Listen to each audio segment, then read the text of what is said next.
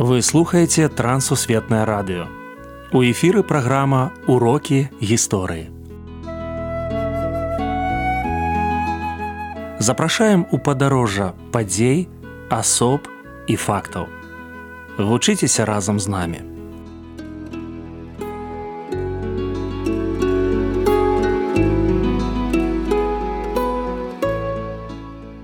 Добры дзень сябры перад мікрафонам сяржук брышцель і кандыдат гістарычных навук Андрусь унучак.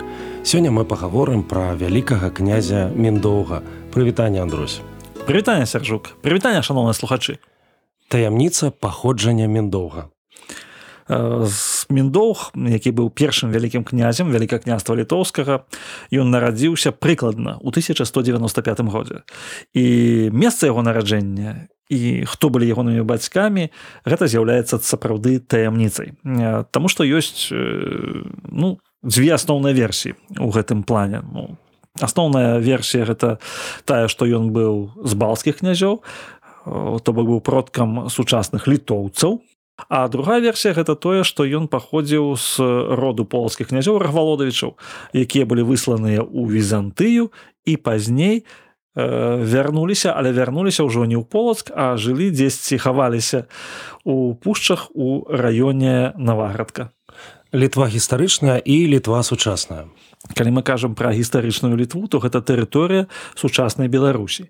Гэта тэрыторыя якая знаходзіцца паміж гарадамі наваградкам маладзечным слонімам менскам.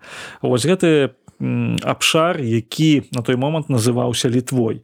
І у летапісе мы знаходзім першую ўзгадку 1219 год. Гэта тое што міндоўх разам з літвой і разам з войскам ізяслава навагародскага ён удзельнічаў вось у вайне. І гэты летапіс ён піша што літва яна знаходзілася недалёка ад наваградка і яе цэнтрам сталіцай быў горад ці гарадок такі варута альбо рута. Таму з гэтага мы зыходзім мяркуючы што у літва гістарычная гэта была на тэрыторыі сучаснай беларусі а літва сучасная яна знаходзілася там дзе знаходзіцца і цяпер на поўнач ад наваградка. Ну і э, гэта розніца яна вельмі істотная. Як утварылася вялікае княства літоўскае? Вось тут мы прыходзім да такой важнай гістарычнай даты заснавання нашай гістарычнай э, старажытнай дзяржавы. 1246 год наваградскі князь і заслаў ён ці загінуў ці памёр. І на трон наваградскі запрашаюць ліцвіна. Міндоўга міндоўх ён прыязджае ў навагародак і злучаецца навагрудскае княства і літва якая была побач з ім. І утвараецца вялікае княства літоўскае міндоўх хрысціцца прымае хрысціянскую веру па праваслаўным абрадзе і становіцца вось кіраўніком гэтага княства. Гэта быў толькі пачатак драматычны пачатак але з гэтага моманту вядзе свой адлік наша старажытная дзяржава. Каранацыя і хрышэння міндоўх ён хрысціўся двойчы першы раз паводле праваслаўнага абраду а другі раз паводле каталіцкага абраду Ён у 1253 годзе прыняў прапанову рымскага папы і накенція чавёртага стаць каралём літвы. Папа меркаваў, што дзякуючы міндоўгу можна будзе хрысціянізаваць вось усе гэтыя абшары, якія тады лічыліся паганскімі. Ён прапановае карону ён прапановае хрышчэнне. Міндоўг прымае абодва гэтыя варыянты. значыць ён хрысціцца разам са сваёй жонкай мартай і карануецца ў наваградку у 1253 годзе 6 ліпеня. І разам з ім было ахрышчана 10 500, як піша летапіс самых знатных баяраў літоўскіх.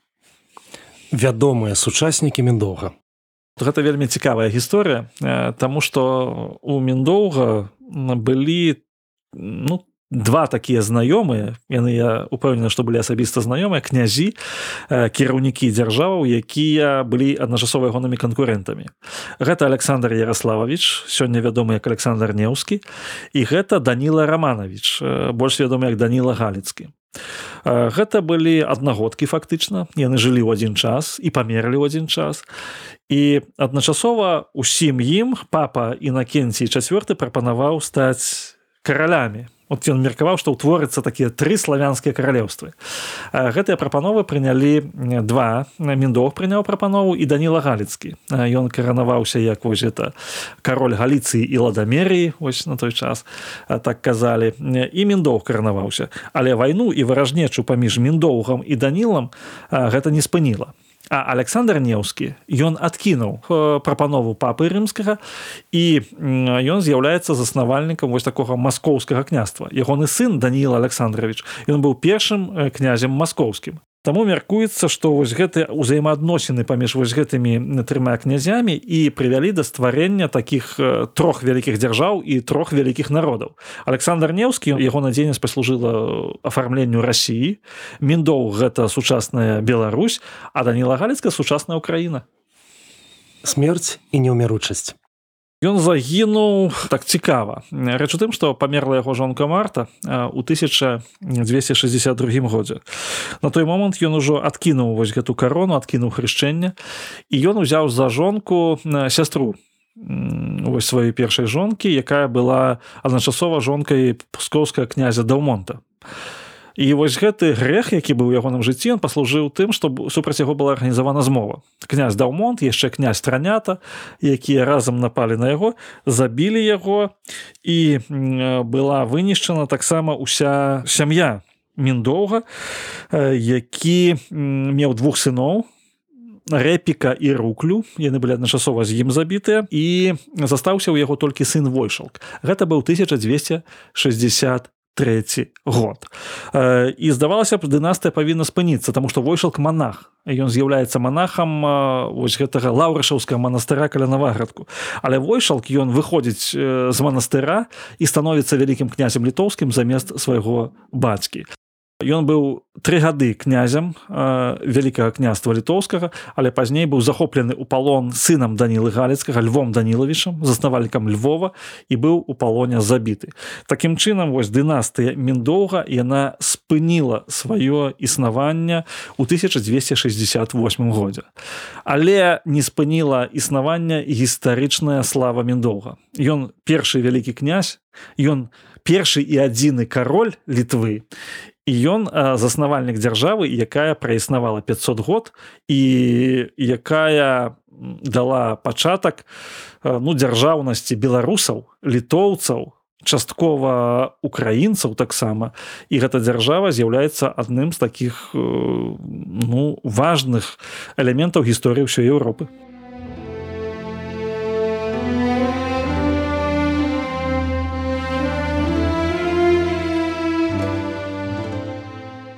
Вакол асобы міндоўга па сённяшні дзень вядуцца спрэчкі. На большасць пытанняў дакладных адказаў няма. Між тым вядома, што міндоўг быў чалавекам свайго часу, кіраўніком з палітычнымі амбіцыямі сярэднявечнага ваяра. Ён прымаў удзел у стварэнні адной з найбуйнейшых еўрапейскіх дзяржаў, да якой наша краіна мае непасрэднае дачыненне. Беларускі элемент тэрытарыяльны, дэмаграфічны, этнічна-культурны ад вытокаў быў адной з асноваў паўстання вялікага княства літоўскага.